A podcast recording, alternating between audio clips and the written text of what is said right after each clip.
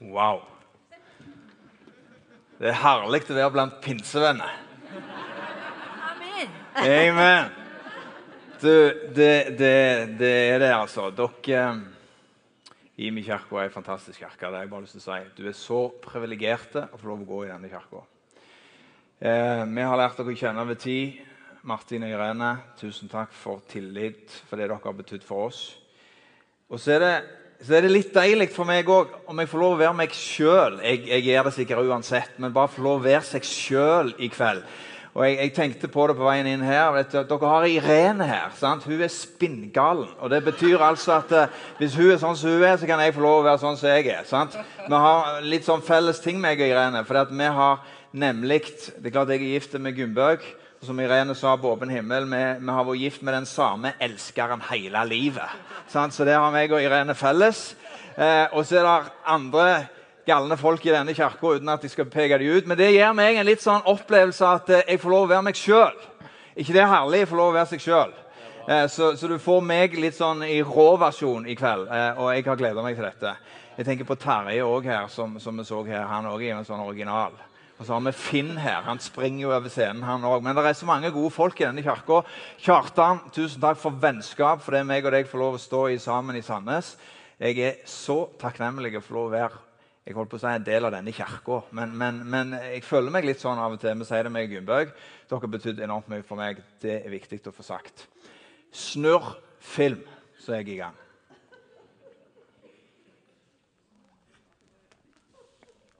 Dere skal få kraft når Den hellige ånd kommer over dere. Jeg har frelst dere og kalt dere med et hellig kall. Ikke på grunn av deres gjerninger, men etter min egen vilje og nåde.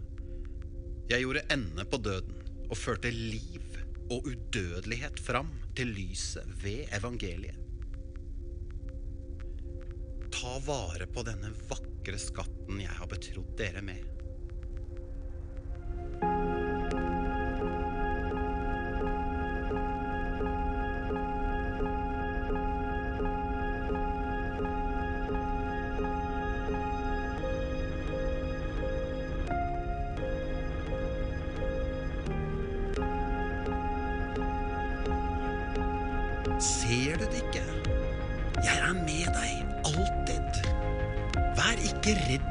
Som drar i deg.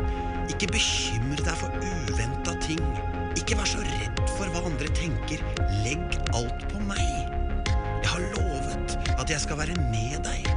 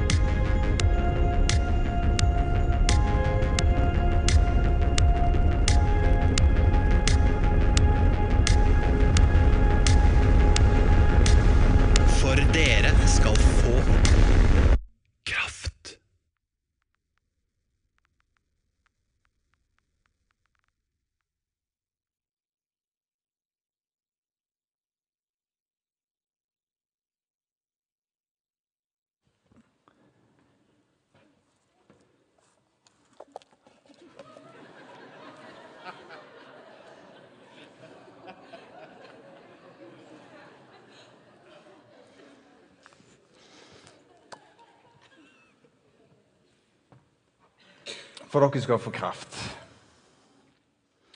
Jeg har lyst til å bare dele noen tanker med deg i kveld. Um, Azusa Street sier det kanskje ikke mye, men pinsevekkelsen ble født i 1906 i Los Angeles. Uh, I dag berører denne pinsevekkelsen 600 millioner mennesker. Og Jeg har lyst til å bare dele tre tanker med deg i kveld. Hva er denne åndsfyldens hensikt og mål? Og hvorfor er nummer to kraft alltid kobla til eierskap? Og nummer tre hvordan kan meg og deg få lov å leve kraftfulle liv i 2017? Så får jeg ber om at du bare skal hjelpe meg til å formidle akkurat det som ligger på ditt hjerte denne kvelden. Amen. Hva, hva er åndsfyldens hensikt og mål? Jo, Jesus er tydelig. Han sier det er best for dere at jeg går bort. For dersom jeg ikke går bort, så kommer ikke talsmannen til dere, men jeg går bort, og da kan jeg sende han til dere. Johannes 16, 7. Så Gud sjøl skulle komme og ta bolig i oss ved Den hellige ånd.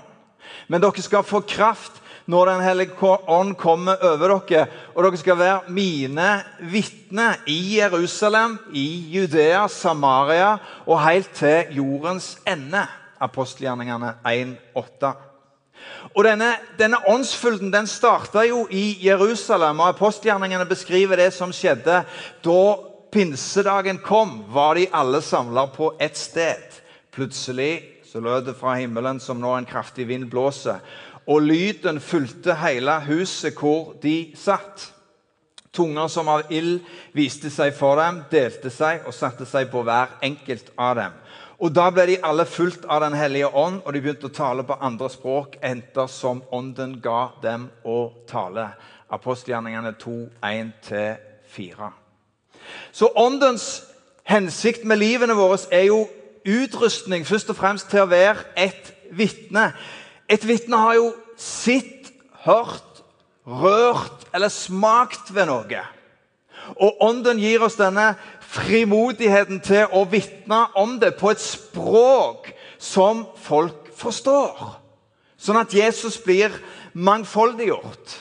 Og Det står det litt senere i apostelgjerningene at de sier om seg sjøl men vi kan ikke noe annet enn å fortelle om det vi har sett, rørt og smakt med.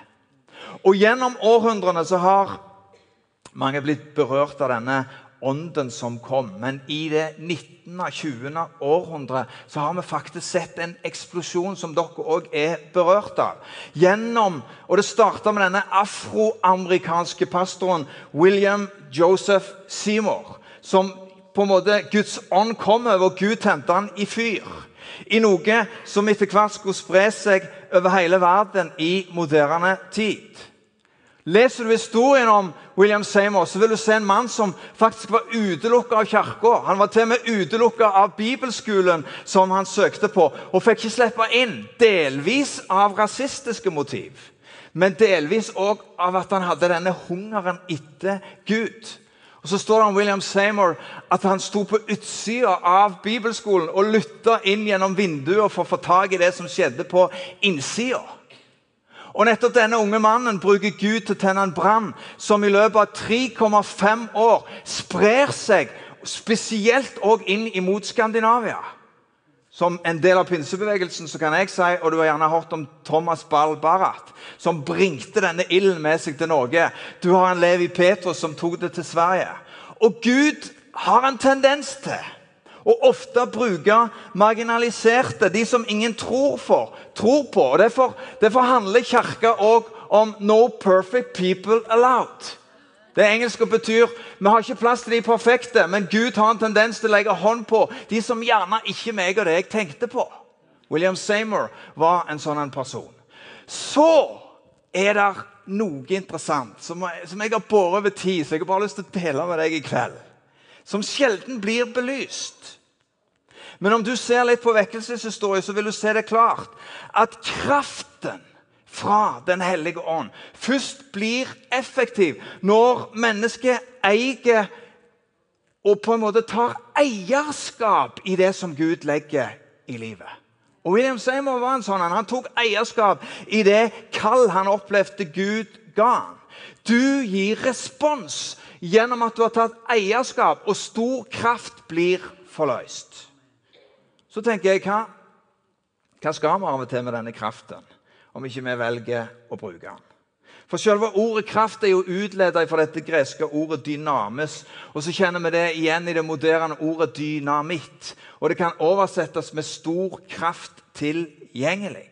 Men kraft har alltid en hensikt. Kraft kobles til oppdrag, og oppdrag kobles til eierskap.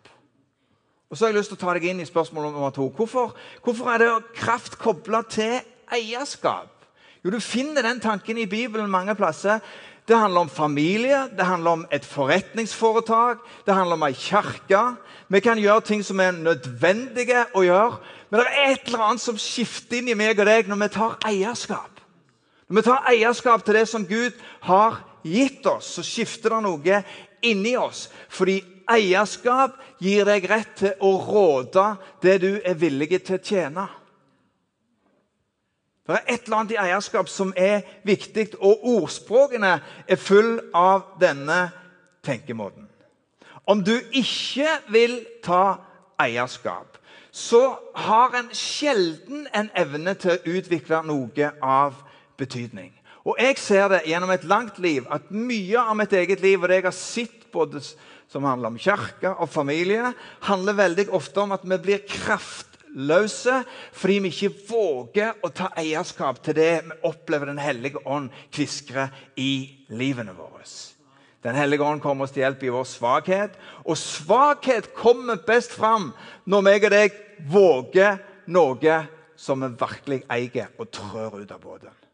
Og Det er min oppmuntring til meg og deg denne kvelden. Kraft forløst til å være mor og far. Det trenger vi alle i en familie. Sant?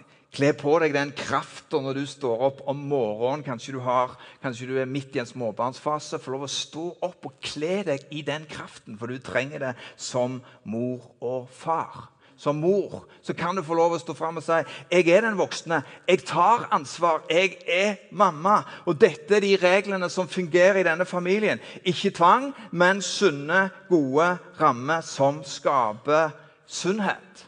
Prøv å oppdra dine unger uten eierskap. Alt fritt fram. Ingen tar ansvar. Forsøk å se hva som skjer.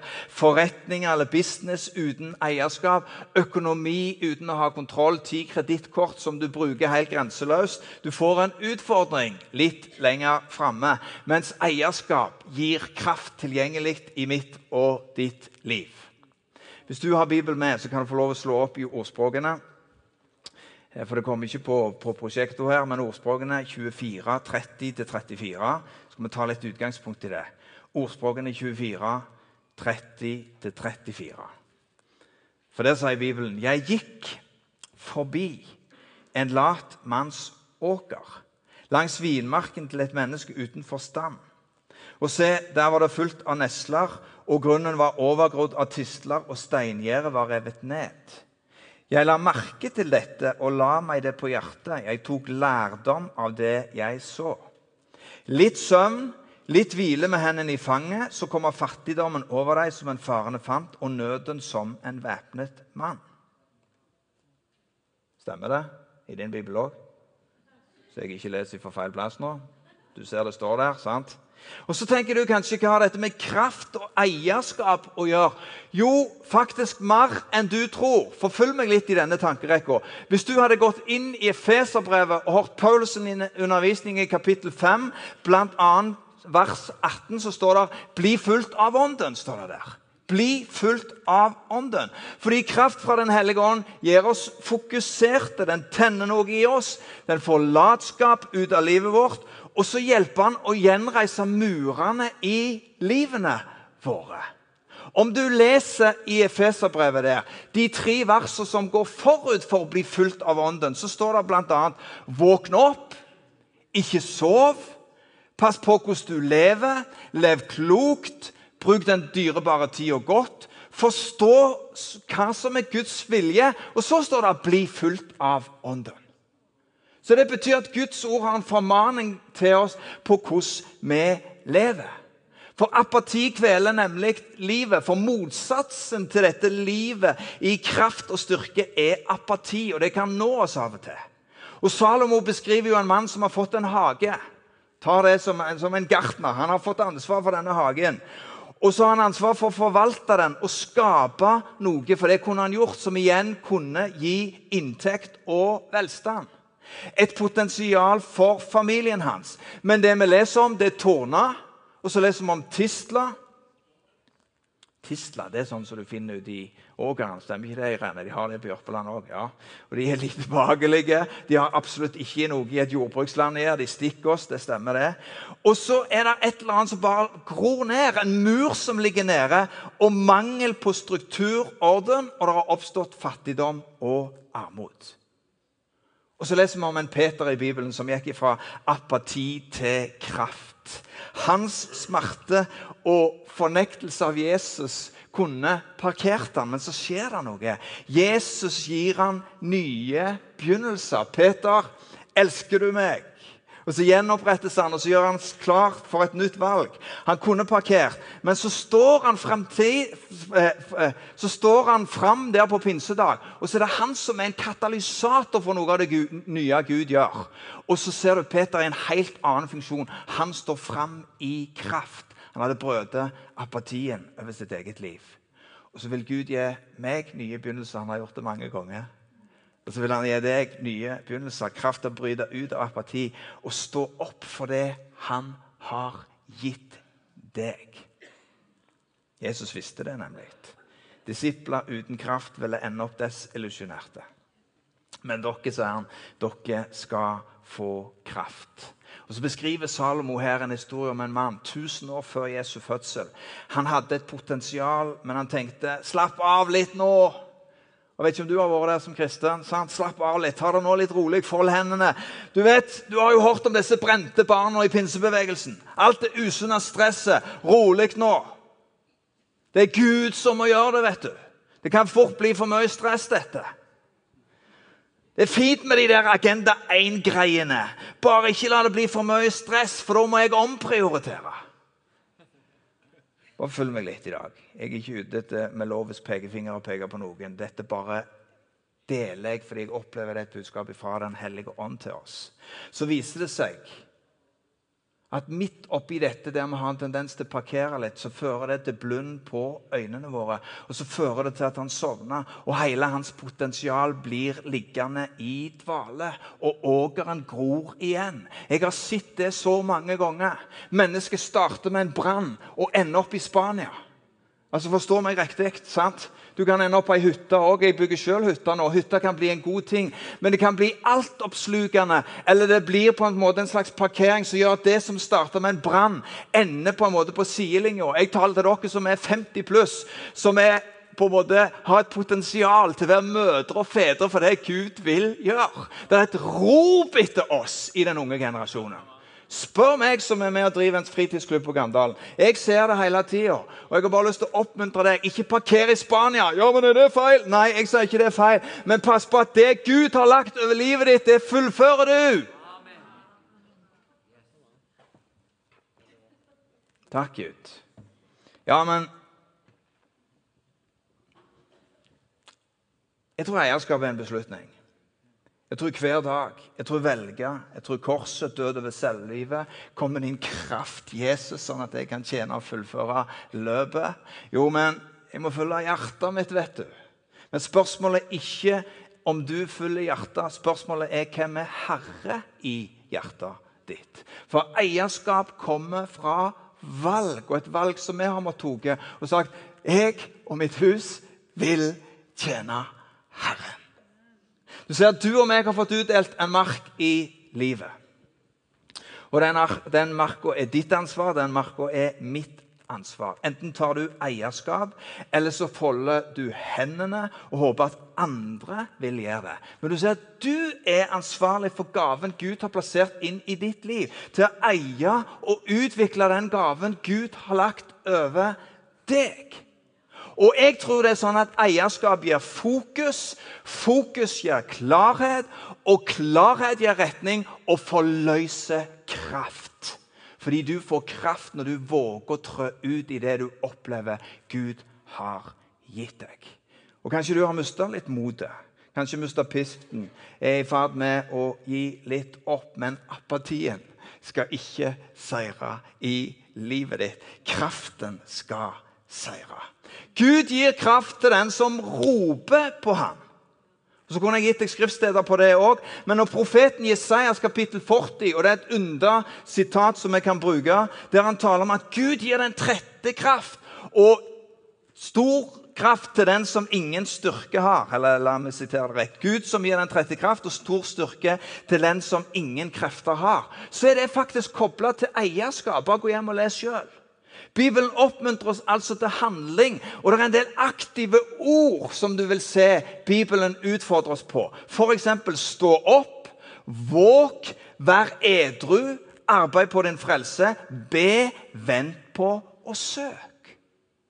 Og Her ligger det nøkler tror jeg, til den kraft som vi alle vil leve i. I apostelgjerningene er det boka som like gjerne kunne vært kalt Den hellige ånds gjerninger. For Den fremstiller de første kristne og den veksten som fulgte. Og Årsaken tror jeg var denne koblingen mellom eierskap og hensikt og denne kraftsutrustningen som Den hellige ånd vil gi oss. Og jeg tror vi lever i en sekularisert virkelighet. Det er meg og deg en del av. Og vi kan så lett bare parkere i på en måte litt sånn komfortsonen med livene våre. Men jeg tror at det er et kall over Norge som nasjon. Jeg tror det er et kall til å se at vi skal få lov å se en enorm innhøstning både i Norge og i Europa. Og Da er det et kall til å ta det eierskapet som Gud har lagt over ditt liv, sånn at du òg er med og slutter de rekkene. Kraften fra Den hellige ånd vil koble på når du våger å ta eierskap. Jeg sitter jo og prøver å coache en del par som sliter litt med livet fordi at jeg har en en utdanning også som familieterapeut. Ikke alltid jeg lykkes like godt, men det jeg ser, det kan jeg dele litt med deg. Noen sliter i ekteskapet, og du kjenner sikkert noen om du ikke gjør det sjøl. Men jeg tror, og det har jeg sett, at noe av årsaken er det at mennesket tenker nei, men bare en liten dupp her. La meg nå få lov å sove litt, folde armene litt i forhold til relasjonen inn i familien min. For det er vel ikke mitt ansvar, det er ikke min feil. Min feil, min feil, min feil. Det er aldri din feil feil. Følg meg litt. Like fullt kommer armod, sorg, mangel på frukt, og kjærligheten dør ut fordi du ikke tok ansvar for det Gud ga deg. Er det strengt? Kanskje litt strengt i dag, men jeg formaner deg litt. Fordi jeg tror at jeg taler til noen som skal få lov å gå hjem og ta det ansvaret som Gud har gitt deg. For du har lenge nok pekt rundt deg, men Gud peker deg ut i dag og sier stå opp og ta eierskap. Ei ekteskapet ditt. Si unnskyld og mein det. Og Gud vil støtte deg med sin kraft. Amen. Omvendelse har blitt litt sånn umoderende, men det er det mest kraftfulle som fins. Kraft i bibelsk betydning kobles aldri til egoisme og nytelse, men kraft kobles til den som vil tjene. Om du vil eie ekteskapet ditt, så vil du se at du kommer til å blomstre. Det er min jobb å være en god mann overfor Gunnbjørg. Det er min jobb. Der jeg ikke strekker til, er det min jobb å faktisk gå til Gud og be om nåde og omvende meg for de tingene. Og gjøre det jeg kan, fordi jeg vet at min bibel sier at når jeg ydmyker meg, så gir Han stor kraft tilgjengelig. Det er tusen ganger jeg har pekt på den kona og sagt hvis du bare hadde vært litt mer sånn, så hadde dette gått bedre. Men i de aller fleste tilfellene innser jeg at Gud har to tommeltotter mot meg og sa at det, starter med ditt liv. Og Det er oppmuntringen til meg og deg at vi våger å eie når Den hellige ånd påpeker ting i livene våre. For du ser, der det fins eierskap, vilje til å ta ansvar, der forløses nåde og til å helbrede. Hvorfor er det sånn? Fordi eierskap òg handler om ydmykhet. Jakob 4,6, men nåden han gir, er større. Derfor heter det Gud står de stolte imot, men de ydmyke gir han favør. Og favør er den kraften som sørges for at meg og deg lykkes. Når meg og deg eier noe og tar ansvar, så tror jeg faktisk vi tiltrekker oss Guds oppmerksomhet. For det er en annen ting jeg har merka meg. Og det er at Jeg har veldig lyst å eie ting når ting går bra. Men jeg har ikke så lyst til å eie det når det går dårlig. Ikke om du har det litt sånn, sant? Går bra i kirka, så er det veldig bra å komme inn og liksom se det er god stemning. Men når det går dårlig Og vi har hatt noen oppturer og noen nedturer, noen utfordringer. Og du får litt testen, for du kikker litt på andre og tenker Wow! Sant? Litt urettferdig. Vet du hva? Gud utfordrer oss og tillater noen ting av og til. Han vil teste deg òg når det ikke går så bra. Gud kan si til deg han har satt deg i denne familien. Han kan si til deg selv om det går dårlig, så er det der du har hjemme. Stå i den kirka. Han har gitt deg dette ekteskapet. Han har satt deg i den jobben. Eik det Gud har gitt deg. Ekteskap er en utfordring. Men jeg utfordrer deg spesielt som mann i dag å våge å gå hjem og gjøre noe med det på mandag, og ikke på søndag i et ettermøte. Det kan være herlig, men det er mye mer effektivt hvis du bestemmer deg på en mandag. Ja, men kan ikke bestemme meg på en tirsdag. Slapp av, det kan du få lov til.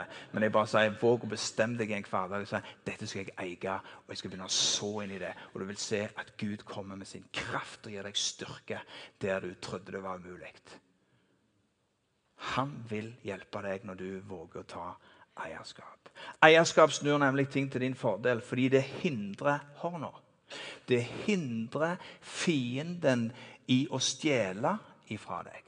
For du står rettmessig opp for noe Gud har gitt deg. For det er din hage.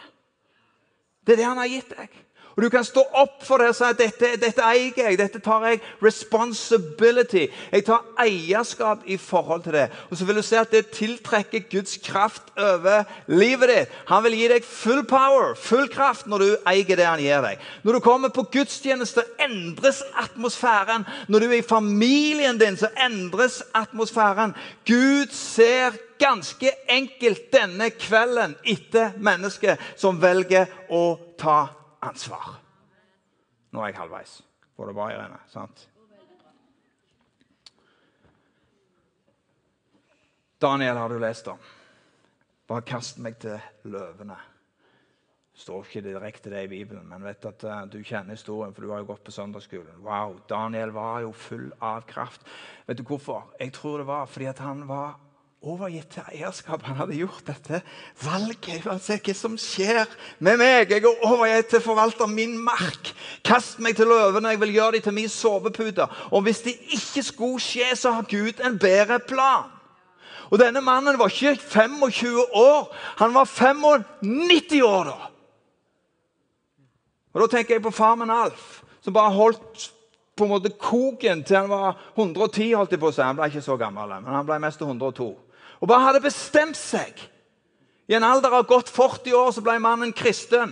Og, og, på en måte var ikke den som ropte høyest, men han hadde bare bestemt seg. Tok Opel-kadetten sin, kjørte på bønnemøte hver eneste onsdag til han var 6 eller 97, så lenge han holdt koken. Der skal han bare være. Han bestemte seg for dette tror jeg på. Ikke så høylytt, men høylytt nok til at hele familien hans og etterslekta hans har barn og barnebarn og oldebarn som alle tror på Gud pga. én manns beslutning og eierskap og jeg er et resultat av det. Wow. Du kan bli en sånn en som bare reiser deg opp og sier jeg tar eierskap i forhold til det Gud har gitt meg. Denne Daniel hadde for øvrig tjent fire konger, som var de mest ugudelige konger i, måte, i, i, i hele verdenshistorien og like fullt bare tok eierskap, men påvirka det babylonske riket så mektig at kongene bødde seg for en levende gud pga. at han hadde tatt eierskap til det Gud hadde gitt ham. Alle vil ha suksess, men få vil gå veien og ta de feiltrinn som fører oss fremover. Fordi vi har en idé om at alt skal komme ferdig, spesielt i 2017. Det er ei postmoderne løgn. Men ingenting i livet kommer ferdig. Gud gir bare deg ei mark. Spør Martin Cave.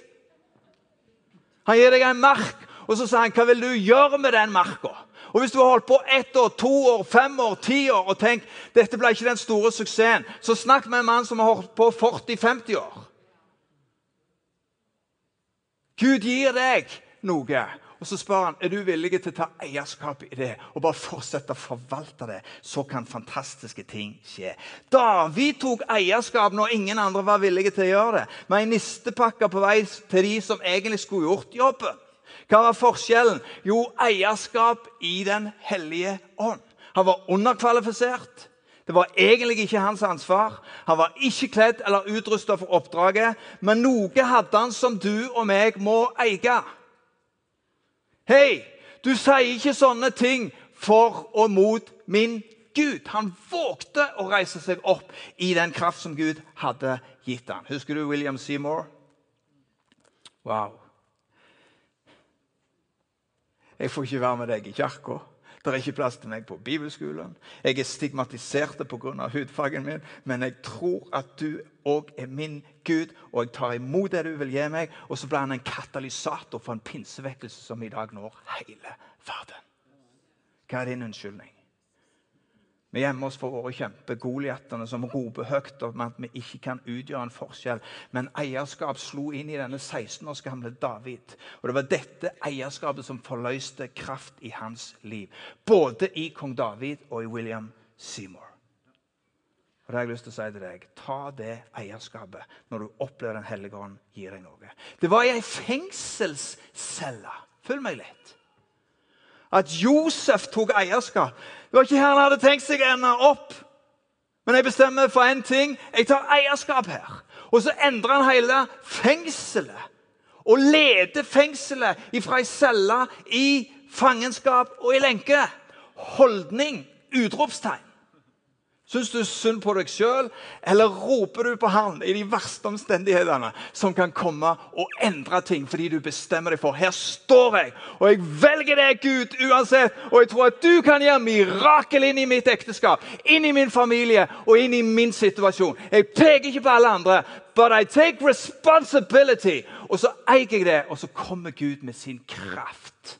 Og så kan han gjøre det på mandag, tirsdag, onsdag, torsdag og fredag i livet mitt og i livet ditt. Amen. Ta eierskapet. Wow. Takk, Jesus. Medfangene så jo på Josef som en som var i samme båt som de sjøl. Vet du hva Gud så? En kommende statsminister. Det var det Gud så. Kraft kom over Josef fordi han tok eierskap i det Gud hadde gitt ham. Uansett hva du står i nå, ta eierskap i det han har gitt deg. Slutt å be Gud om å sende noen. Han sender deg. Ja, men òg Gud, fiks Fiks ekteskapet mitt. Nei, nei, vet du hva? Du tar ansvar. Du ydmyker deg. Du omvender deg fra din synd. Så vil Gud gi deg nåde og kraft til å fikse ekteskapet. Ja, men å Gud, fiks min relasjon til min tenåringsdatter. Nei, du går som far og pappa. Du tar initiativ. Du ydmyker deg og forteller at du elsker henne. Du eier problemet. Du eier løsningen. Det har jeg sett jeg har folk råd. Du eier problemet. Du eier løsningen. Vi, har, vi, er trent til å finne løsninger hos andre. Eller unnskylde oss eller peke på et eller annet. Slutt med det. Våg å ta eierskap når du opplever Den hellige ånd peke på ting i ditt liv. Omvend deg raskt og ta eierskap, så kommer Gud og forløser ting inn i ditt liv. Men hvis du stadig peker på andre, kommer med alle unnskyldninger, så sier du egentlig at Gud har ingen mulighet til å få råderett og komme til med sin kraft i ditt liv fordi du plasserer det alle andre plasser enn hos deg sjøl. Men hvis du eier i mark, så har Gud mulighet til å gjøre fantastiske ting. Hvordan skjer dette gjennom kraften i Den hellige ånd? Kanskje du syns dette eller denne talen ble annerledes enn du hadde tenkt fordi at du ville komme her og bli berørt av kraft. Sant? Jeg leter jo etter noen som kan fikse dette for meg, og jeg har hørt at Gud er en god fikser. Det er han. Men hør, jeg skal vitne litt for deg. Jeg endte opp der for en del år siden. En identitetskrise. Gikk inn i ett års depresjon. Smalt midtveis i sykepleien. Gikk på en kjempesmell. Jeg skal ikke bruke mye tid på det, men jeg skal si deg, jeg sprang etter forbønn. Jeg sprang overalt. Det kan du se. Jeg har fått enormt mye håndspåleggelse. Jeg, eh, jeg har blitt bedt for overalt. Helt til det bare gikk opp et lys, for Gud lærte meg noe gjennom den smerten, depresjonen, mørket. For det første så forsto jeg at Lunden fiksa ingenting. For jeg hadde vært en fikser og skulle fikse alt hele tida. Men det var et eller annet som bare smalt inn av identitet, som handla om jeg må bygge en helt ny identitet. Vokste opp i en kristen familie, ja. Men det var et eller annet som bare sa meg at jeg bygde hele min identitet på et selvbilde som var et sprukkent kar. For det handla om at jeg skulle fikse ting hele tida. Men så ga Gud meg noe, og han ga meg på en måte en helbredelse inni meg som gjorde at jeg har blitt så utrolig mye tryggere på den plattformen. Så kalte han oss til Planta kirke. Takk Gud for den smellen. For Hvis ikke så vet jeg ikke om jeg hadde blitt stående i det som jeg står i nå. For det er noe som har på en måte bare bytta om på innsida, for plutselig så skjønte jeg det handla ikke om meg, det handla ikke om min flinkhet, men det handla om når Gud ga meg noe, så vågte jeg å ta eierskap i det. Jeg står her. Det er ikke alt som har lykkes ennå, men jeg vet at du har gitt meg noe, Gud. Og det er jeg trykker på, og det vil jeg gå med til du kommer igjen. Jeg ønsker som Paulus å bare fullføre det løpet. Det er ikke sikkert jeg blir en ny Martin Keiv, men jeg skal være den beste utgaven av Jon Arve Lunde fra Gandalen. Wow. Og det er oppmuntringen til deg òg. Vær den beste utgaven av deg sjøl. Ta ansvar for det Gud gir deg. Skal jeg avslutte med en historie? Og det, det, det tror jeg er til noen kvinner her. Det var ei dame på som tente meg på åpen himmel. Hun der lille Hva hun heter Skeia. ja. Var det noen som var, hørte henne? sant? Jeg som pinsevenn følte meg jo sinnssykt hjemme. Det, det var tre setninger som var full fire. Hun hadde det, vet du. Men, men vet du hva? Nå skal, jeg, nå skal, jeg, bare oppmuntre deg helt på tampen, så skal vi snart uh, gå hjem. Skeia for ei dame. Så mange ganger har jeg hatt mest lyst til å gi opp, slippe det andre gjør. Men så kommer hånden stemme igjen og igjen. Og gir kraft til å eie det som han har gitt meg. Wow. Og Så trenger ikke du slå opp. Du kan legge vekk alt dette Bibelen og andre ting. for jeg er i ferd med å lande. Men 2. Samuels bok kapittel 20 så kan du lese selv hjemme. Den er skeia, for jeg bare kom på henne. I 2. Samuels bok kapittel 20 så handler det om en rebell som er på rømmen fra Davids krigere. Og Denne rebellen var en krigskjempe, og han hadde flykta inn i denne byen. Og Det står om det i 2. Samuels 20. Og så var det en fare for denne byen fordi han hadde flytta inn eller rømt inn i byen. Og, og, og disse, disse, krigerne med Joabs menn i spissen, Davids krigere, var på jakt etter han og ville inn i byen og massakrere byen. Og Hæren kringsetter byen. Og så står det der om ei vis kvinne som roper ut fra bymuren til Joabs menn. På 48 kilo. Ja, Hvordan vet du det? Nå må du bare leve deg litt inn i fantasien. her, så kommer dette til å gå bra. sant? Jeg bare prøver å hjelpe deg litt nå. Bare se det for deg, denne lille vevra kvinna. Så står det at du roper utover bymuren. Så står det 'Jeg bor i denne byen', sier hun. Så ikke kom her. For vi er gode mennesker. Og denne byen er som en mor i Israel. Og dere kan ikke bare storme inn her. For jeg har satt mine føtter her, og jeg har tatt eierskap i denne byen. Så dere kan ikke bare komme inn her. Og så lyder ropet til deg som har parkert litt. For jeg tror det er noen kvinner som Gud kommer til å reise opp i denne tida. Som har fått et kall, og du har tenkt nei, men det må være han. Det må være hun. Det må være en eller annen som har stjernestatus. Nei, deg taler Den hellige ånd til i kveld. Og sier du er den kvinna som skal få våge å reise deg opp og si 'Ikke kom her'. Og så gir Gud en enorm visdom. og Du kan lese historien, for den er litt bestialsk. jeg skal ikke male den ut for deg nå. Men Gud gir henne visdom, sånn at denne mannen blir frakta ut. Og hele byen kommer under berøring av Guds kraft pga. ei kvinne som reiser seg opp og sier 'Dette er min familie, djevel'. Dette er min mann. Dette er mine barn. Dette er min kirke. Ikke kom her. Wow kvinner fri til tjeneste. Gud vil reise opp en hær med profetiske kvinner. Og Hvis du sitter her denne kvelden og kjenner wow, hjertet bare slår Wow, skal jeg våge å gå ut og ta det eierskapet? Ja, du skal våge å eie det Den hellige ånd har gitt deg. Ikke fordi jeg står her, men fordi Den hellige ånd oppmuntrer deg i kveld til å våge å stå opp. Ja, men det er bare en sånn liten filleting.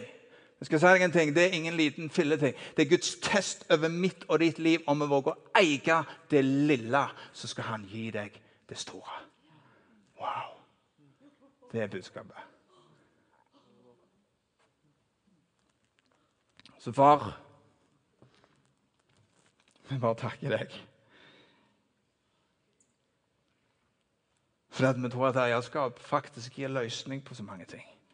For du er på leiding etter løsning på dine problemer, og du spør Gud hvorfor griper han ikke inn.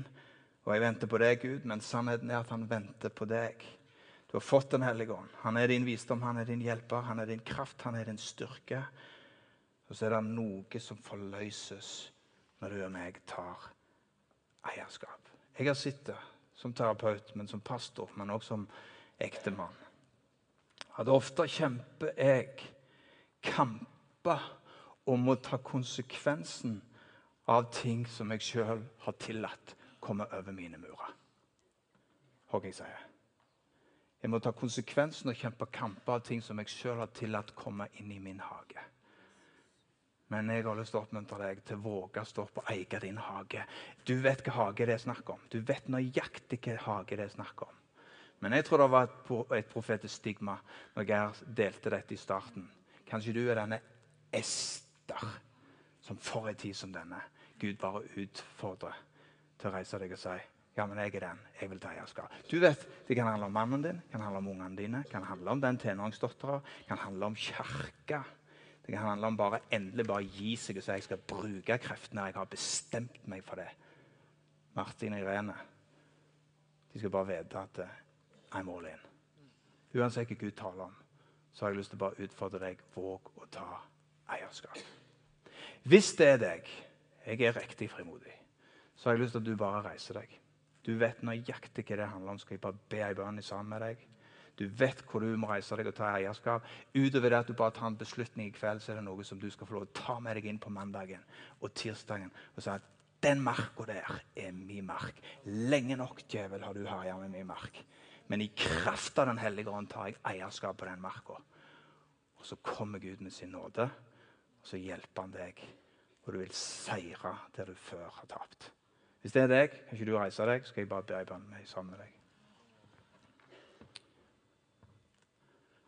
Takk, Gud. Takk, Gud. Er det vits i å reise seg? Jeg tar jo en beslutning i hjertet mitt. Det er helt OK. Men jeg bare kjente at det er noe i det å ta den beslutningen og bare si Gud, der kjenner jeg at jeg trenger å ta en tydelig beslutning og bare eie det som du har gitt meg. Familien din, jobben din. Du vet akkurat hvor det er. Reis deg, så skal jeg be ei bønn. For i den beslutningen så tror jeg Den hellige ånd kommer oss nær. Og så skal han gjøre stor kraft tilgjengelig. Er det flere, så reiser du deg. Hvis ikke, så føler du deg fri. Takk, Gud. Nå skal Geir øyeblikket overta, men jeg skal bare be bønn over livet ditt. Takk, Gud. Takk, Gud.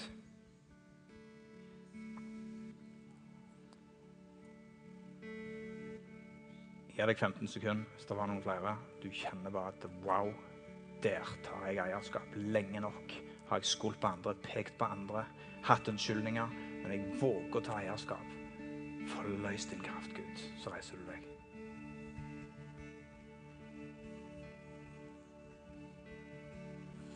OK. Gud, du kjenner oss. Du kjenner om det er ekteskap som skranter barn som har mista kontakt med, lederskap som skal bekles, konfrontasjoner som må tas i kjærlighet. Du ser det, Herre. Jeg ber om at du fyller oss med kraft, men for en større hensikt. Jeg ber for hver en av oss som står nå, at vi våger å riste av oss apatien i livene våre. Gud, hjelp hver en av oss til ikke å sove bort tida som vil koste neste generasjon deres framtid. Om det ikke får noe annet, la meg stå som mødre og fedre og ta ansvar for neste generasjon. Jeg ber om at du reiser opp mot på innsida av hver en som er her denne ettermiddagen og kvelden i Jimi. For du har gitt dem en mark å ta ansvar for. Jeg ber om mot i hjertet og mot på leppene våre. Sånn at vi med frimodighet eier det du har gitt oss kraft til å bli stående der du har satt oss. Gud, jeg ber om at du skal hjelpe oss til å forstå forskjellen på arroganse og autoritet. Gud, jeg ber for alle Gideoner, de som gjemmer seg fra det du har kalt dem til å gjøre. Kom over dem med din ild. La det brenne i deres bein. La det brenne bort alt det som hindrer de å ta skritt og som er nødvendige. Gjennom fylden av din ånd kan de gjøre det. Gjennom kraften og ilden som du vil utøse. Og så ber jeg til slutt om vise kvinner far. Som gjennom mot og ansvarlighet påvirker familier, byer og land gjennom den salvelsen du vil utøse. Far, vi vil se endring i livene våre. Og vi vil eie det som du har gitt oss. Og du vil fylle oss med åndens kraft. Så skal du få lov å si to setninger sammen med meg høyt og tydelig, så er jeg ferdig. Så gjentar du bare etter meg. Jeg vil eie den marka som du har gitt meg, Gud. Det må vi si en gang til. For du skal, lov, du skal bare få lov å bekjenne det ut. Så du gjentar etter meg en gang til, så sier du det som du tror deg. Jeg vil eie den marka som du har gitt meg, Gud. Og du vil fylle meg med kraft til å forvalte det. Og det vil han gjøre. Og alt folket sa. Amen.